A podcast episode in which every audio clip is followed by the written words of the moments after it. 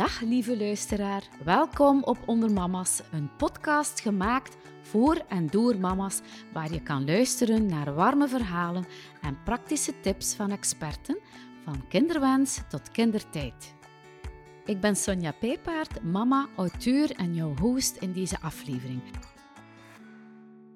Welkom bij een nieuwe aflevering van de Onder Mama's podcast. Vandaag heb ik het samen met expert Alessia van Gampelaren over de impact van een knip op je lichaam en je fysieke en emotionele herstel na de bevalling. Alessia, leuk om je bij ons te hebben in de studio. Ja, super. Merci om mij uit te nodigen ook. Graag gedaan.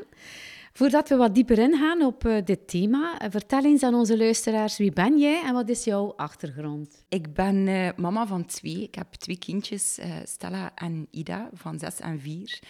En misschien is dat wel een goede manier om mij in te leren, want voor mij is het mama worden dat heeft voor mij alles betekend. Zij hebben mij gevormd op alle vlakken. Wie dat ik ben, uh, hoe dat ik denk, hoe dat ik functioneer, mijn lichaam. Zowel als vrouw, als partner, uh, maar ook professioneel wordt dat doorgetrokken. Dus ja, in de eerste plaats ben ik mama van twee kinderen. En daarnaast heb ik een multidisciplinaire praktijk samen met mijn man in Sint-Denis, Kini Moore waar ik werkzaam ben als sociopaat en als kinesist. Ik geef daar de postnatale kine. En uh, ik geef daar ook de Pilates. Dus mijn achtergrond is kine, osteopathie en uh, Pilates. Mm -hmm. Jouw missie is om vrouwen van gelijk welke leeftijd te begeleiden en in hun kracht te stellen. Wat bedoel je daarmee? Ja, dat komt eigenlijk vanuit mijn eigen achtergrond. Ik heb ondertussen al heel veel fases doorgemaakt. Ik ben zelf een jonge vrouw geweest. Eh, ik heb willen zwanger worden. Zijn en daar altijd ook... jong, Ja, dank je voor het compliment. Maar ik heb wel wat fases doorgemaakt. Ik heb een fertiliteitsverhaal dat toch echt wel wat impact gehad heeft. Ik ben ook zwanger geweest, twee keer. Ik heb uh, een postpartum verhaal en ik ben 38. dus uh, binnenkort ga ik richting de menopauze binnen tien jaar moet toch wel rekening mee houden dat daar ook een overgang is. Dus in al die fases verandert je lichaam heel veel en botst soms op bepaalde vlakken. En ik merk, doordat ik heel veel samenwerk met vrouwelijke patiënten, dat dat niet mijn eigen verhaal alleen is, dat dat toch wel leeft. Mm. En ik merk dat dat komt omdat wij proberen te leven als vrouwen zoals mannen. Wij sporten zoals mannen, wij diëten zoals mannen, wij proberen te werken zoals mannen, maar een vrouwelijk lichaam is daar jammer genoeg ook niet voor gemaakt. Wij hebben een andere constitutie, een ander emotioneel wezen, een andere hormonale flow. Dus ja, wij kunnen daar gewoon volgens mij niet in meegaan. En ik wil mijn vrouwelijke community niet op dezelfde dingen laten botsen zoals dat ik gebotst ben en gewoon op een blaadje kunnen geven, zodanig dat zij gewoon gelukkig kunnen zijn met hun lichaam. Dat uh, klinkt heel goed. Zo ben jij ook met een nieuw project gestart, speciaal voor vrouwen, Rebuild. Uh, wat wil je daarmee bereiken? Eigenlijk wil ik vrouwen informeren en begeleiden in al die transitiefases. Oké, dat is uh, een hele mooie boodschap. Hè?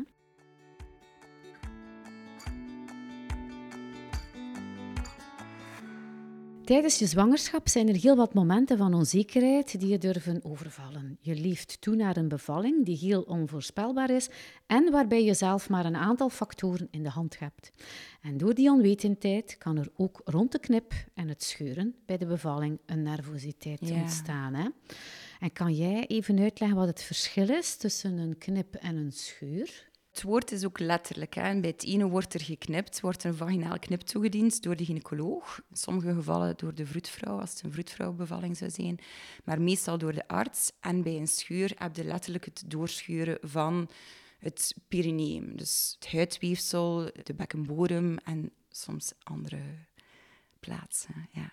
En wat zijn de verschillende gradaties van knippen en schuren? Ja, ik wist dat die vraag gelijk een beetje ging komen, vandaar dat ik me nog een beetje ingehouden had. Maar het perineum is eigenlijk uw huidweefsel, uw vetweefsel, clitoriaal weefsel. En in verschillende gradaties kan dat effectief doorschuren. Bij een graad 1 schuur ga je een heel oppervlakkige schuur hebben. Dus van uw, uw huid, van uw perineum en soms een beetje tot het, vetweefsel. Maar bij een tweede graad schuur ga je effectief al uw bekkenbodem laten schuren. Nu, bij een derde graad schuur, dat is al een totaalruptuur, wordt dat ook genoemd, dan wordt het doorgeschuurd tot aan de aars. En bij een vierde graad schuur, wat dat echt niet veel voorkomt, maar bij een vierde graad schuur ga je zelf doorgaan tot in het darmkanaal. Dus dat is heel, heel uitgebreid. Nu, ik wil op voorhand zeggen, een derde graad, een, een totaalruptuur, dat komt op 2% van de bevallingen voor. Dat is echt niet zoveel. Wat zijn de voor- en nadelen van een vaginale knip in vergelijking met gecontroleerd scheuren? Het heeft alle twee zijn voor- en zijn nadelen, sowieso. Ik ga starten met de voordelen van de knip. Hè. Ehm, de voordelen van een knip is dat er effectief controle is over hoe ver dat die scheur door zou gaan. Dus ze gaan gewoon op voorhand gaan beslissen, dit gaat niet in het wilde weg gaan. We gaan gecontroleerd opening creëren om effectief dat kindje te laten geboren worden. Nu, het voordeel van een scheur is dat er geen traumatische impact is op die bekkenbodem, want knippen is altijd traumatisch. Dan spreek ik nog niet over het trauma voor de mama natuurlijk, hè. maar sowieso heeft dat een impact. Het nadeel van een vaginale knip is dat er niet alleen geknipt wordt in het perineum, maar ook in het clitoriaal weefsel. Nu, clitoris, heel veel vrouwen hebben het idee dat de clitoris enkel dat bolletje is boven het plasgaatje. Maar dat is eigenlijk niet zo. De clitoris is eigenlijk gelijk een soort mannetje, een kopje die daar uitsteekt. Maar die kop gaat nog verder in het perineum met twee armen naar beneden toe. Dus eigenlijk gaat dat langs de vagina volledig naar beneden. Dus op het moment dat er geknipt wordt, wordt ook dat clitoriaal weefsel doorgeknipt. Op lange termijn heeft zowel scheuren als knippen dezelfde impact op incontinentie. Wat, dat denken we ook wel vaak. Hè. We gaan daarna nog meer problemen hebben. Maar de uitkom is eigenlijk hetzelfde als alles goed gaat. Dus vandaar dan zij sowieso niet gaan kiezen om te knippen. We zouden kunnen zeggen, oké, knippen zorgt voor veel ruimte, er is geen enkel probleem, dus we gaan sowieso standaard knippen. Hetzelfde verhaal is met een epidurale. Als een epidurale gegeven wordt, waarom zou een vrouw pijn hebben bij een, epidurale, bij een bevalling? als het zonder pijn kan. Dus waarom zouden we niet knippen om in één keer heel veel ruimte te maken? Nu, in de meeste ziekenhuizen is de policy natuur als het kan, techniek als het moet omdat elke keer als er iets van impact gebeurt, bij een epidurale, bij een knip, zijn er mogelijke risico's aan verbonden. Risico's zoals bijvoorbeeld bij het knippen, dat er iets ontsteekt. Dus daar moet gewoon veel meer aandacht gegeven worden aan het genezen van die naad. Vandaar niet standaard. Dus het heeft alle twee zijn voor- en zijn nadelen. Laat ons gewoon zeggen, we willen gewoon geen een van de twee. Punt. Heel vaak is er de misvatting waar een knip gezet wordt. Kan je hier wat duidelijkheid rond scheppen? Ik heb het daar juist al een heel klein beetje ingeleid, maar de knip gebeurt in het perineum, dus in het bekkenbodemweefsel. En ik heb ooit die vraag op Instagram een keer gesteld om te checken bij mijn uh, community. um, of dan zij dat wisten. En de meeste vrouwen denken dat dat effectief gezet wordt in de schaamlippen. Maar het is effectief mm. in het perineum dat er geknipt wordt. Ja, maar toch, heel veel vrouwen denken, mijn schaamlippen worden doorgeknipt. Maar die schaamlippen, op het moment dat ons benen open gaan, gaan mee open. Dus het is echt wel in het perineum, omdat het hoofdje van het kindje duwt tegen het perineum. En het is dat dat ook het moeilijke is bij een bevalling, is het hoofdje laten passeren langs dat spierweefsel. Vandaar dat de gynaecoloog beslist, oké, we gaan eventjes een klein beetje ruimte maken langs dat perineum. Afhankelijk van de gynaecoloog is zijn techniek langs links of rechts. Dus sommige gynaecologen zijn rechtshandig, wordt er meer geknipt naar de linkerkant van de mama, want er wordt schuin naar beneden geknipt. En bij linkshandigen is het omgekeerd. Dus vandaar ja. sommige verschillende plaatsen. Ja, ja, ja. En zijn er specifieke situaties waarbij een knip sterk wordt aanbevolen? Meestal gaat het ofwel als er een, een derde graad ruptuur zou kunnen zijn, als ze merken van oké, die, die druk op die bekkenbodem is veel te groot en die vrouw gaat doorschuren, dus we moeten daar impact op hebben, we moeten daar even gecontroleerd mee omgaan en dan is dit gecontroleerd. Want bij schuren, dat kan overal naartoe gaan. Je kunt dat niet weten. Maar bij die knip is dat dan wel gecontroleerd. Of bij fetale nood. Dus als ze merken het kindje gaat echt enorm in stress, dan moet er wel beslist worden om zoveel mogelijk, zo snel mogelijk opening te maken. Snelheid kan dan belangrijk zijn. Absoluut, ja. Dus elke casus is ook afzonderlijk natuurlijk. Hè. Ja. Ik heb een uurtje moeten persen om ons zoontje eruit te krijgen. De gynaecoloog zei mij dat mijn huid uh, mijn kindje eigenlijk wat tegenhield. Hij wou niet knippen, dus wou hij een zuiger gebruiken. Maar uiteindelijk heeft hij die ook niet moeten inzetten en is ons kindje geboren door het meeduwen van de vroedvrouw op mijn buik. Vandaar dat ik best wel gescheurd was. Maar achteraf gezien ben ik wel heel goed hersteld en heb ik weinig last gehad en uh, heb ik er geen littekenweefsel aan overgehouden. Zijn er bepaalde risicofactoren die kunnen bijdragen aan een verhoogde kans op een knip of scheur? Of heb je dit helemaal niet zelf in de hand? Uh, er zijn zoveel risicofactoren. En risicofactoren tussen haakjes natuurlijk. Maar uh, er zijn heel veel dingen die een impact kunnen hebben op het al dan niet beslissen voor te knippen of te schuren. Maar bijvoorbeeld een mama die al een beetje ouder is, die heeft meer kans op schuren als er over tijd gegaan wordt, als het hoofdje groter wordt van het kindje, de positie ook van het kindje. Als er een sterkijkertje is, dan gaat het hoofdje niet zo vlot mee langs de bekkenboren, want eigenlijk is de bedoeling dat een kindje met de kruin geboren kan worden, omdat daar ook de meeste flexibiliteit van het hoofdje is. Dus als kindje in een sterrenkijker ligt, dan is er sowieso veel meer impact op de bekkenbodem. Dus dat heeft impact als er weer opnieuw wat snel moet gaan, als de vroedvrouw beslist of als het kindje vastzit in het eh, geboortekanaal en beslist wordt om fundus druk te geven, dus op de baarmoeder, zodanig dat er enorm veel druk naar beneden komt, maar dus ook impact op die bekkenbodem. Maar ook als er al voordien heel veel hypertone spanning was van de bekkenbodem. Dus vrouwen die te kampen hebben met vaginisme, heel gespannen lopen, angst hebben voor die bevalling en niet durven loslaten, niet durven meegaan in dat moment. Dat zijn eigenlijk wel allemaal dingen die ook impact kunnen hebben. Dus ja, sowieso, het is zo breed en zo afhankelijk van de situatie. Het is niet altijd... Uh, ik denk dat ik nog heel veel dingen vergeten te zeggen ben. Maar het is ja, het heeft sowieso heel veel verschillende. Ja, ja, absoluut.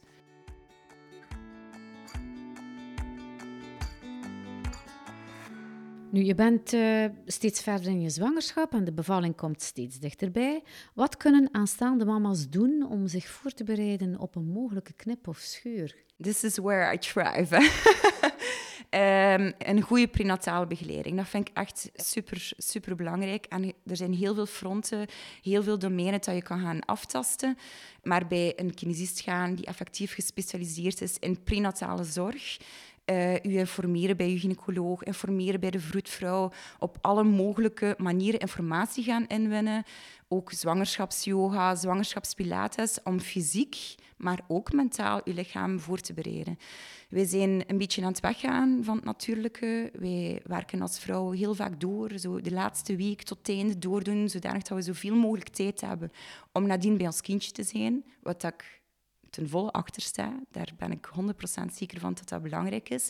Maar ook voordien tijd nemen om fysiek ons lichaam voor te bereiden. Door het feit dat we heel sedentair leven, bestaan er wel heel veel spierspanningen, uh, is ons bekken niet voorbereid. En we zitten ook als vrouw, ik zit nu ook met mijn benen gekruist, ik moet mezelf af en toe een keer zeggen van oké, okay, maar dit, dit, is natuurlijk niet sierlijk als je zo gaat gaan zitten. Maar zeker als zwangere met de benen gekruist zitten, brengt enorm veel spanning op dat bekken en spanning op die bekkenbodem, de binnenkant van ons dijen. Dus sowieso is het niet interessant om zo naar een bevalling toe te gaan. Alles moet open kunnen gaan, alles moet ontvankelijk kunnen zijn. En het bijvoorbeeld gaan sporten om slank te blijven tijdens een zwangerschap vind ik ook niet goed, omdat een zwangere moet juist kunnen opengaan en een baring mogelijk kunnen maken. Dus ja, ja voorbereiden, voorbereiden, voorbereiden, dat is het belangrijkste. En, uh, je sprak over een goede houding, dus voetjes op de grond. Niet, ja, uh, benen niet over elkaar. Nu, we zijn effectief uh, een beetje zo opgevoed. Uh, knietjes gekruist, dat is proper. Maar als zwangere is dat zeker niet interessant. Omdat dat je bekken eigenlijk zodanig vernauwt dat er ook geen ruimte is voor het kindje, voor het hoofdje. Maar ook voor onszelf achteraf om die bevalling te doen. Dus ik zeg, kruist uw voeten, zodanig dat je knieën kunnen openvallen. Of zet je inderdaad met je benen open. Nu, op, op een bepaald moment, als die buik veel te groot is, is dat ook gewoon niet meer mogelijk. Maar toch sowieso uh, knietjes naast elkaar. Ja. En zijn er oefeningen of technieken die je naar de bevalling toe kan toepassen om het risico op een knip te kunnen verminderen? Het risico is niet te controleren, maar sowieso een goede prenatale begeleiding, waarbij dat we leren om die arbeid te controleren, om te gaan met de impact van de weeën, leren aanvaarden. Want ik zeg ook altijd tijdens mijn prenatale, het belangrijkste is aanvaarden wat dat er u overkomt en voor de rest uw lichaam proberen beheersen. En dat kun je het best doen door voorbereid te zijn. Nu, een goede voorbereiding is inderdaad fysieke oefeningen doen, waarbij dat we ruimte leren maken in het bekken, uh, stretchen, alle spieren eigenlijk. De voorkant van ons bekken, de achterkant van ons bekken, de binnenkant van ons bekken. Ademhalingstechnieken bij zwangerschapsyoga, uh, prenatale begeleiding.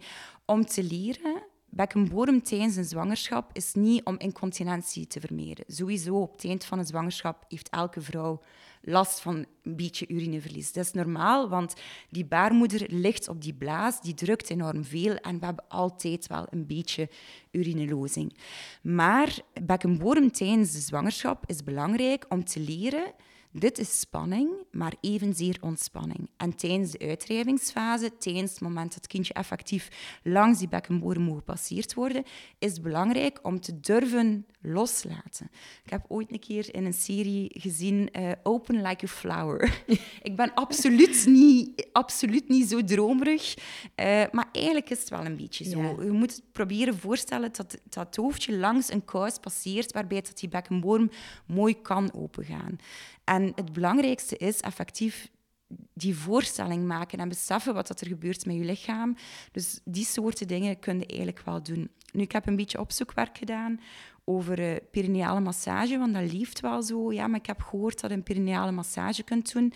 Nu, voor perineale massage is er eigenlijk geen evidentie. Ze kunnen niet weten op voorhand of dat die vrouw effectief niet gescheurd is of niet geknipt is door die massage. Het is het gebeurt of het gebeurt niet.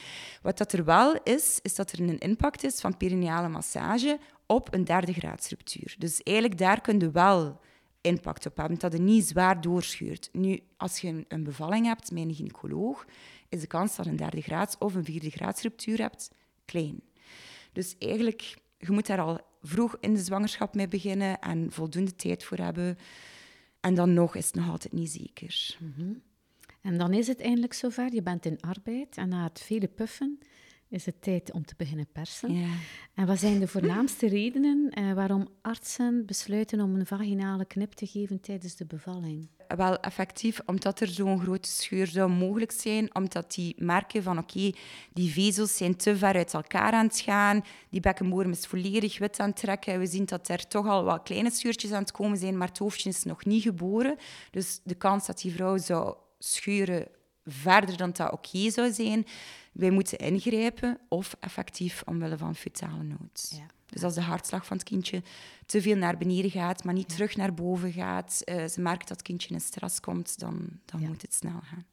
Of mama in stress komt, hè? Ja, absoluut. Moeder en kind, ja. zijn belangrijk. Altijd, hè, moeder en kind. Heb je statistieken over het percentage vaginale knippen uh, tijdens bevallingen in, in, Vlaanderen? Ja, dat is eigenlijk over alle ziekenhuizen wel ongeveer hetzelfde, toch 30% vaginale knip. Ja. ja. Ja, En heb je als vrouw de mogelijkheid om een knip te weigeren? Of worden er alternatieven op dat moment überhaupt nog besproken met jou? Maar alternatieven zijn er op die moment niet. Hè. De, het ding is bij een bevalling, en dat is juist het moeilijke als arts bij een bevalling, dit moet snel gaan. Bij elke andere operatie kan er beslist worden, ik weet het even niet meer, stap achteruit, tien seconden of een minuut nadenken en we kunnen daarna hervatten.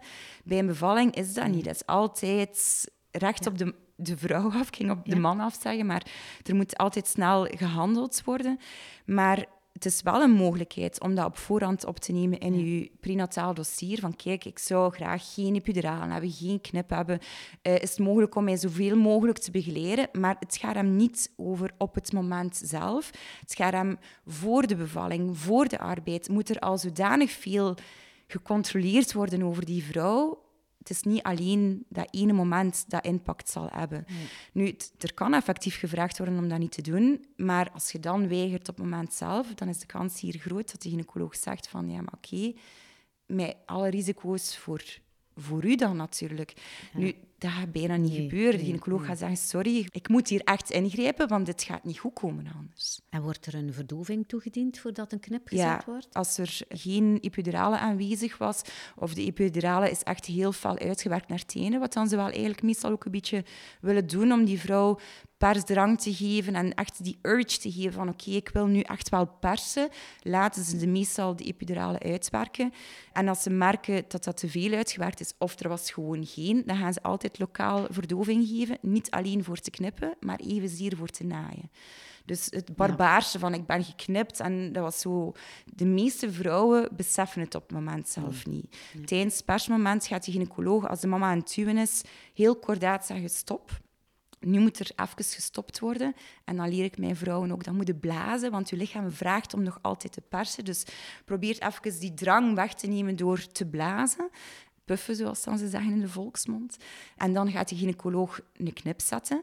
Maar meestal wordt dat gewoon ook niet beseft. En ook het naaimoment wordt meestal... Uh, ze zeggen dat wel, maar op zich beseffen die vrouwen dat niet. Ze zijn zodanig overweldigd van dat kindje die op de borst gelegd wordt en zodanig uitgeput en blij tegelijk. Er zijn zoveel emoties die gebeuren op die moment, dat ze eigenlijk niet echt beseffen.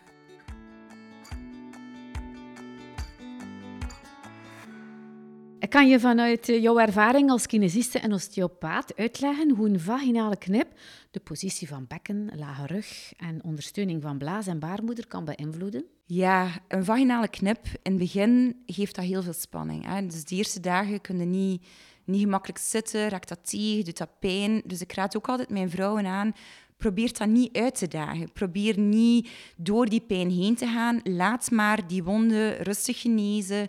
Verzorg die goed. Spoel ook veel. Hoe meer dat het spoelt. van vroeger, ik vind dat jammer dat dat niet meer gedaan wordt. Ehm, kwamen ze met kannetje rond. Dus eh, dan uh, mocht op de pan gaan liggen en dan dieren ze zo wat lauw water om die wonden te spoelen. Dat geweldig. Ik vond dat zalig. ik heb dat echt, ik heb dat meerdere keren gevraagd. Ik, zei, ik, ik liet zelf mijn bezoek buiten gaan om een kannetje te krijgen. Dus dat voelt zo ja, zalig, uh, helend en zacht aan. Mm. dus ik raad ook mijn vrouwen aan als, om dat te vragen, want nu mogen we op die, die speciale toiletten gaan zitten om te spoelen en in de douche spoelen. Maar eigenlijk, die kannetjes zijn eigenlijk toch wel top. Nu, als die wonde goed kan genezen, dan heeft de outcome van een scheur of een knip eigenlijk het is hetzelfde. Uh, zowel op incontinentie als seksuele beleving is eigenlijk allemaal oké. Het gaat hem vooral als die knip niet goed geneest. Dus die eerste fase is superbelangrijk. Een knip geneest ongeveer hetzelfde als bij een scheurtje. Als ze een draadje ingeven, is dat na vier à zes weken genezen. Het weefsel blijft wel drukgevoelig tot drie maanden na uw knip. Maar eigenlijk, een volledige genezing is pas na een jaar. Dus eigenlijk als dat weefsel volledig soepel is, volledig opgenomen is in die bekkenbodem, geen littekenweefsel, en dat krijg je als je effectief die knip uitzaagt in het begin, dan krijg je littekenweefsel door te veel te heffen, door al te veel actief te zijn in het begin, dan kan dat zijn dat dat niet goed geneest. En dan krijg je inderdaad die problemen van spanning op de bekkenbodem, waardoor dat er meer spanning zit aan de ene kant van de bekken, uh, geen mooie positionering van die blaas boven uw bekkenbodem en die baarmoeder, met alle mogelijke gevolgen van dien. Dus ik raad mijn vrouwen echt ten zeerste aan om tijd te geven aan een lichaam om effectief gewoon te genezen. Dus vandaar ook gaan lopen bijvoorbeeld. Ik druk daar heel fel op. Ja. Alsjeblieft, doe dat niet te snel, want die bekkenbodem is daar niet klaar voor. Nee, Wat is de mogelijke impact van een vaginale knip op lange termijn, zowel fysiek als emotioneel? In het begin kan dat zeer overweldigend gevoeld hebben. Hè. Het idee van hoe barbaars dat, dat was, als we daar zeker niet op voorbereid geweest zijn, dat voelen in het begin, heb je zo het gevoel dat er een camion over u gereden is. En dat het allemaal pijn doet en gezwollen staat. En daarbij heb je de eerste dagen ook nog het gevoel dat van de eerste keer je blaas instant lost vanaf het moment dat je recht staat. Uh, dus dat je incontinentie voor je leven. Dus in het begin kan dat wel heel fel aanvoelen, maar vanaf dan die draadjes beginnen loskomen, vanaf dat het gevoel hebt van oké, dat begint hier soepeler te gaan, meestal is dat dan wel oké. En gelijk dat ik daar juist ook al gezegd heb, op zich kan alles goed genezen, ook op uh, continentievlak. Hè, dus uh, dat er niet te veel fecale of uh, urinaire incontinentie is. Dat kan zeker allemaal goed genezen. Maar op seksueel vlak kan dat wel een tijd een impact hebben. Het idee dat daar sowieso een kindje gepasseerd is, is sowieso al fel voor vrouwen. Maar ook die knip, die gevoeligheid, um, als er dan seksueel contact is, als er penetratie is, dan kan het begin echt wel heel pijnlijk aanvoelen. Zeker als ze dat niet voorbereid doen.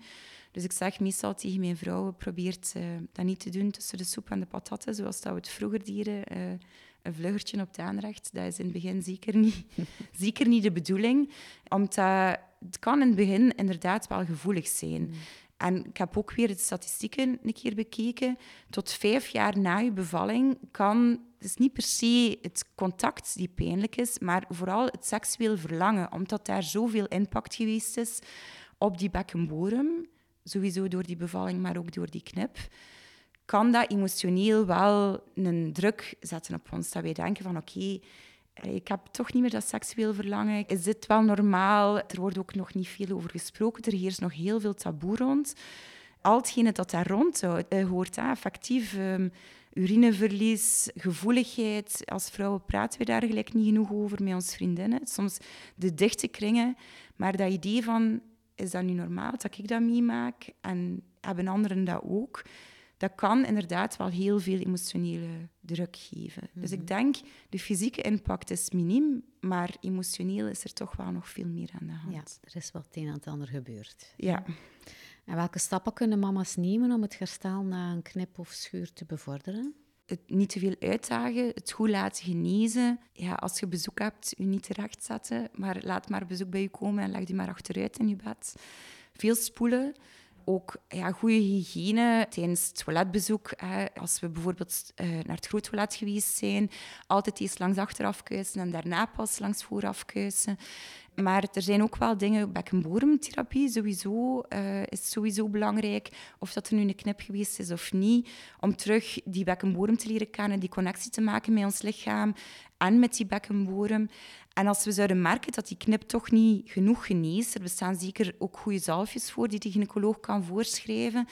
Er zijn ook massagetechnieken voor om effectief die naad langs binnenuit, dus we gaan met ons vingers in de vagina scheren en je kunt echt wel die naad, maar die moet wel al goed genezen zijn, Um, dus die, draadjes moeten los zijn. Heel rustig masseren in alle richtingen, dus dat die effectief dat weefsel soepel kan worden.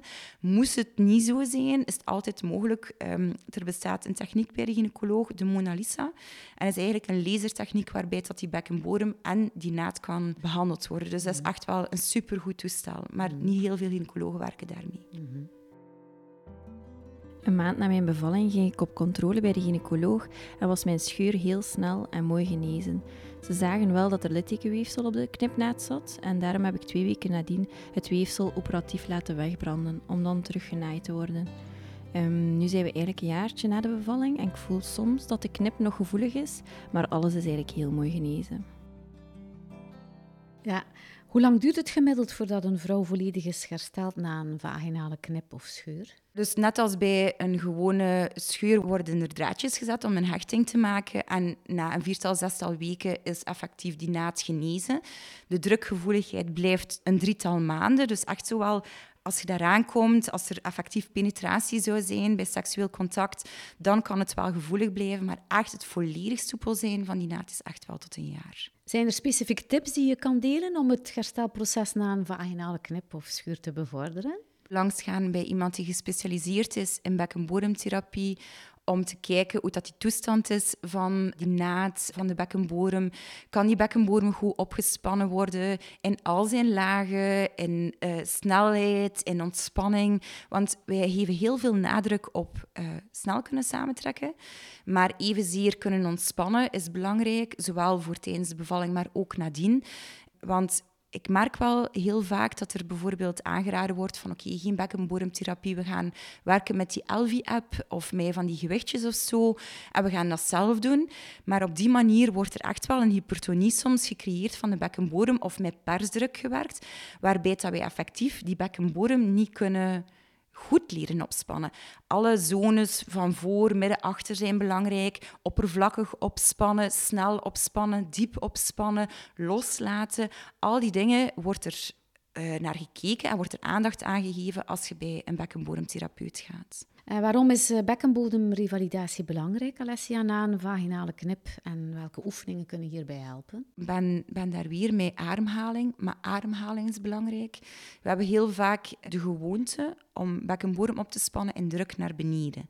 En dat geeft persdruk. Dus sommige vrouwen, de meeste vrouwen, hebben eigenlijk geen problemen. Zo na een, een paar weken merken ze, oké, ik heb mijn bekkenbodem wel goed onder controle, ik heb geen probleem, ik moet niet naar de kinesist gaan, want alles is oké.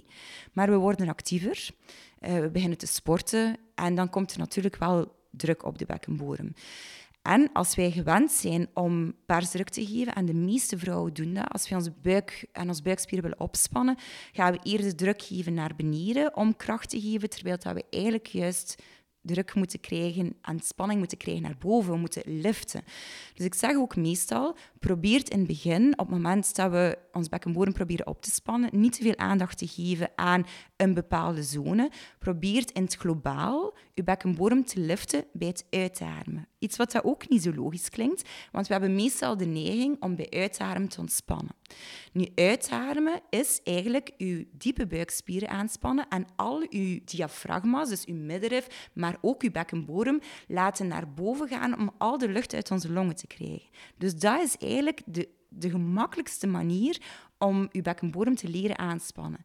Rustig inademen, je buik bollen, je bekkenbodem rustig naar beneden laten gaan tijdens het inademen. En bij het uitademen gans die massa liften naar boven. En dat leert eigenlijk ook een bekkenbodemtherapeut in het begin. Eerst die globale aanpak, om daarna te kijken, oké, gaat alles effectief samenwerken? Kunnen we heel reflexmatig gaan optrekken? Is links en rechts ook even krachtig? Wat dat inderdaad ook belangrijk is, om voldoende steun te geven aan je organen. Want als er ene niet zo sterk is, dan krijg je sowieso veel meer verzwakking aan de andere kant, met mogelijkse prolaps, dus uitzakking van de baarmoeder, uitzakking van de blaas. Dus al die aspecten, daar wordt aandacht aan gegeven bij een bekkenbodemtherapeut. Maar ook een bekkenbodemtherapeut geeft uitleg hoe kunnen we dit implementeren in de rest van ons dagelijks leven. Het is niet enkel eventjes een moment, want effectief, soms vergeten gewoon je oefeningen. Maar ik ga gewoon zeggen van oké, Um, kies het moment voor de rode lichten. Kies het moment aan de kassa van uh, de Carrefour. Niemand weet dat, dat je ondertussen je bekkenbodem aan het opspannen bent. Je komt daar zoveel tegen en voilà, je hebt ondertussen de cue om een keer op te spannen. Kunnen partners ook ondersteuning bieden tijdens uh, het herstelproces na een knip of schuur? Ja, heel veel liefde geven aan de mama. ik denk dat dat heel belangrijk is. Uh, en vooral de mama tijd geven ja.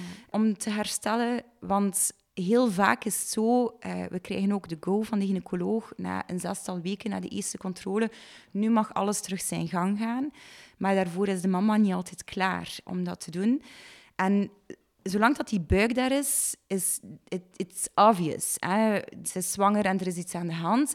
Maar na zes weken hersteld zijn van negen maanden zwanger zijn en zo'n zware impact van een bevalling, dat is eigenlijk allee, volgens mij kan dat gewoon niet dat dat al gebeurd is.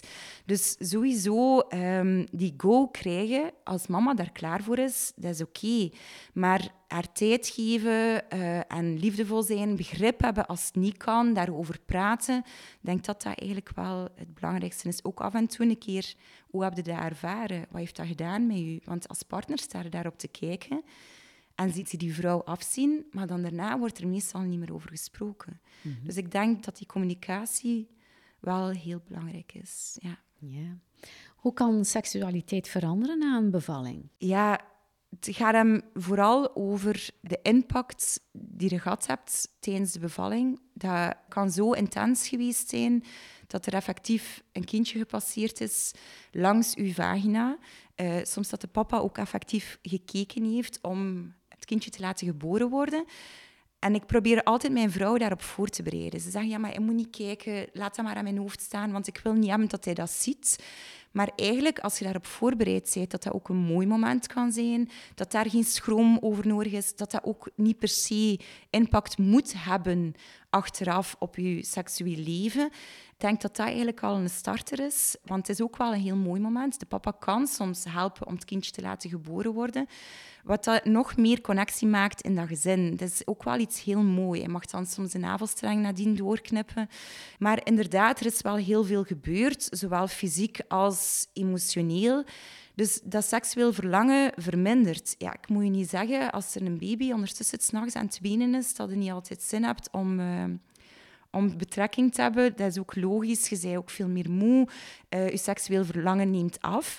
Maar ook fysiek zijn is er een impact. Hè? Dus zeker bij mama's die borstvoeding geven, die oestrogenen zijn zeker nog niet voldoende opgebouwd om de vagina nat te maken. Dus er is nog veel meer vaginale droogte, soms nog gevoeligheid. Dus ik raad meestal aan, start eigenlijk vooral met uh, dicht bij elkaar zijn, lief met elkaar zijn, uh, knuffelen. Kom eerst zo tot elkaar.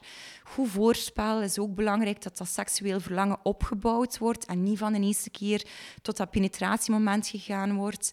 En glijmiddel. Glijmiddel is ook zeer belangrijk. En vooral het juiste glijmiddel. Dus ik ga even geen goede reclame maken voor Durex. Maar Durex is zeker niet goed, omdat daar veel geparfumeerde dingen in zitten die heel irriterend kunnen zijn voor de vagina.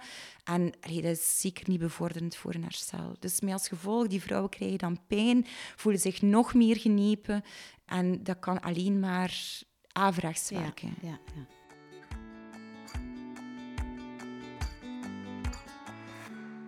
Geeft het doormaken van een knip of schuur invloed op toekomstige zwangerschappen en bevallingen?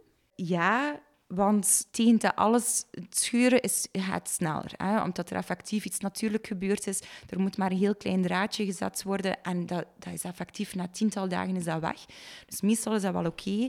Maar vooral als je lichaam nog niet voldoende hersteld is en die naad nog niet voldoende genezen is en er komt een nieuwe zwangerschap. Dus als er binnen het jaar een nieuwe zwangerschap zou zijn, is er sowieso veel meer kans een naad is altijd iets dat fragiel is in ons lichaam. Dus het heeft voldoende tijd nodig om te herstellen. Het is niet per se die naad die zal scheuren, maar dat weefsel raakt niet voldoende mee. Dus het weefsel die erboven of eronder zit, dat heeft dan weer meer kans op scheuren. Dus ik raad echt mijn vrouwen aan, probeer niet te veel te denken en ik wil zo snel mogelijk buiten de pampers zijn en het zo snel mogelijk doen, dan zijn we er vanaf. Laat ook je lichaam gewoon voldoende herstellen. Hoe kunnen mama's omgaan met emotionele en psychologische aspecten na een knip of scheur? Ja, het is ehm, afhankelijk van vrouw tot vrouw, maar ik denk praten blijft het belangrijkste. En goede zorgprofessionals opzoeken uh, met de vroedvrouw die aan huis komt. Die kan echt al een heel goede begeleiding geven. Die kan zeggen of dat effectief goed geneest. Wat dat ook al heel veel voldoening kan geven in het herstelproces. Van oké, dit is aan het genezen, dit is normaal. Het is normaal dat het nog tijd nodig heeft. Bekkenbodemtherapeuten, gynaecologen. Um, praten met vrouwen die hetzelfde meegemaakt hebben. En zeker geen schrik hebben om bij een psycholoog langs te gaan, want er bestaan heel veel goede perinatale psychologen die daarin kunnen begeleiden in die, over die impact. En waar kunnen mama's meer informatie vinden over dit onderwerp? Sowieso bij de behandelend arts, omdat die effectief de bevalling meestal zal doen en eigenlijk de gepaste informatie zal kunnen geven als het over technische dingen zal gaan. Bij vroedvrouwen, er zijn heel veel vroedvrouwenpraktijken die heel goede prenatale begeleiding geven ook ja, bij mij zijn ze ook altijd welkom. Maar dus effectief bij prenatale kinesisten. En niet te veel opzoeken op Google. Want ik heb die test echt wel gedaan. Hè, ehm, wat bij een vaginale knip. En dan krijg je de, eerste uh, die naar boven komen, zijn uh, vrouwenmagazines waarbij dat er effectief gewoon een artikel gedaan is, maar dat zijn meestal niet de, de echt onderbouwde dingen. Nu, PubMed, uh, dat is een wetenschappelijke database met echt wetenschappelijk onderzoek is veel toegankelijk ook voor mensen die effectief geen uh, voorkennis hebben. Soms zijn de, de artikelen betalend en is ook niet altijd zo belangrijk voor iemand die niet zo uitgebreid wil gaan zoals een zorgprofessional. Maar dat zijn wel onderbouwde dingen. Dus het is wel heel belangrijk dat je je bronnen checkt. En inderdaad, podcasts zoals deze en andere echt gespecialiseerde boeken, maakt niet uit. Die soorten dingen die echt onderbouwde informatie geven, ik denk dat dat het allerbelangrijkste is.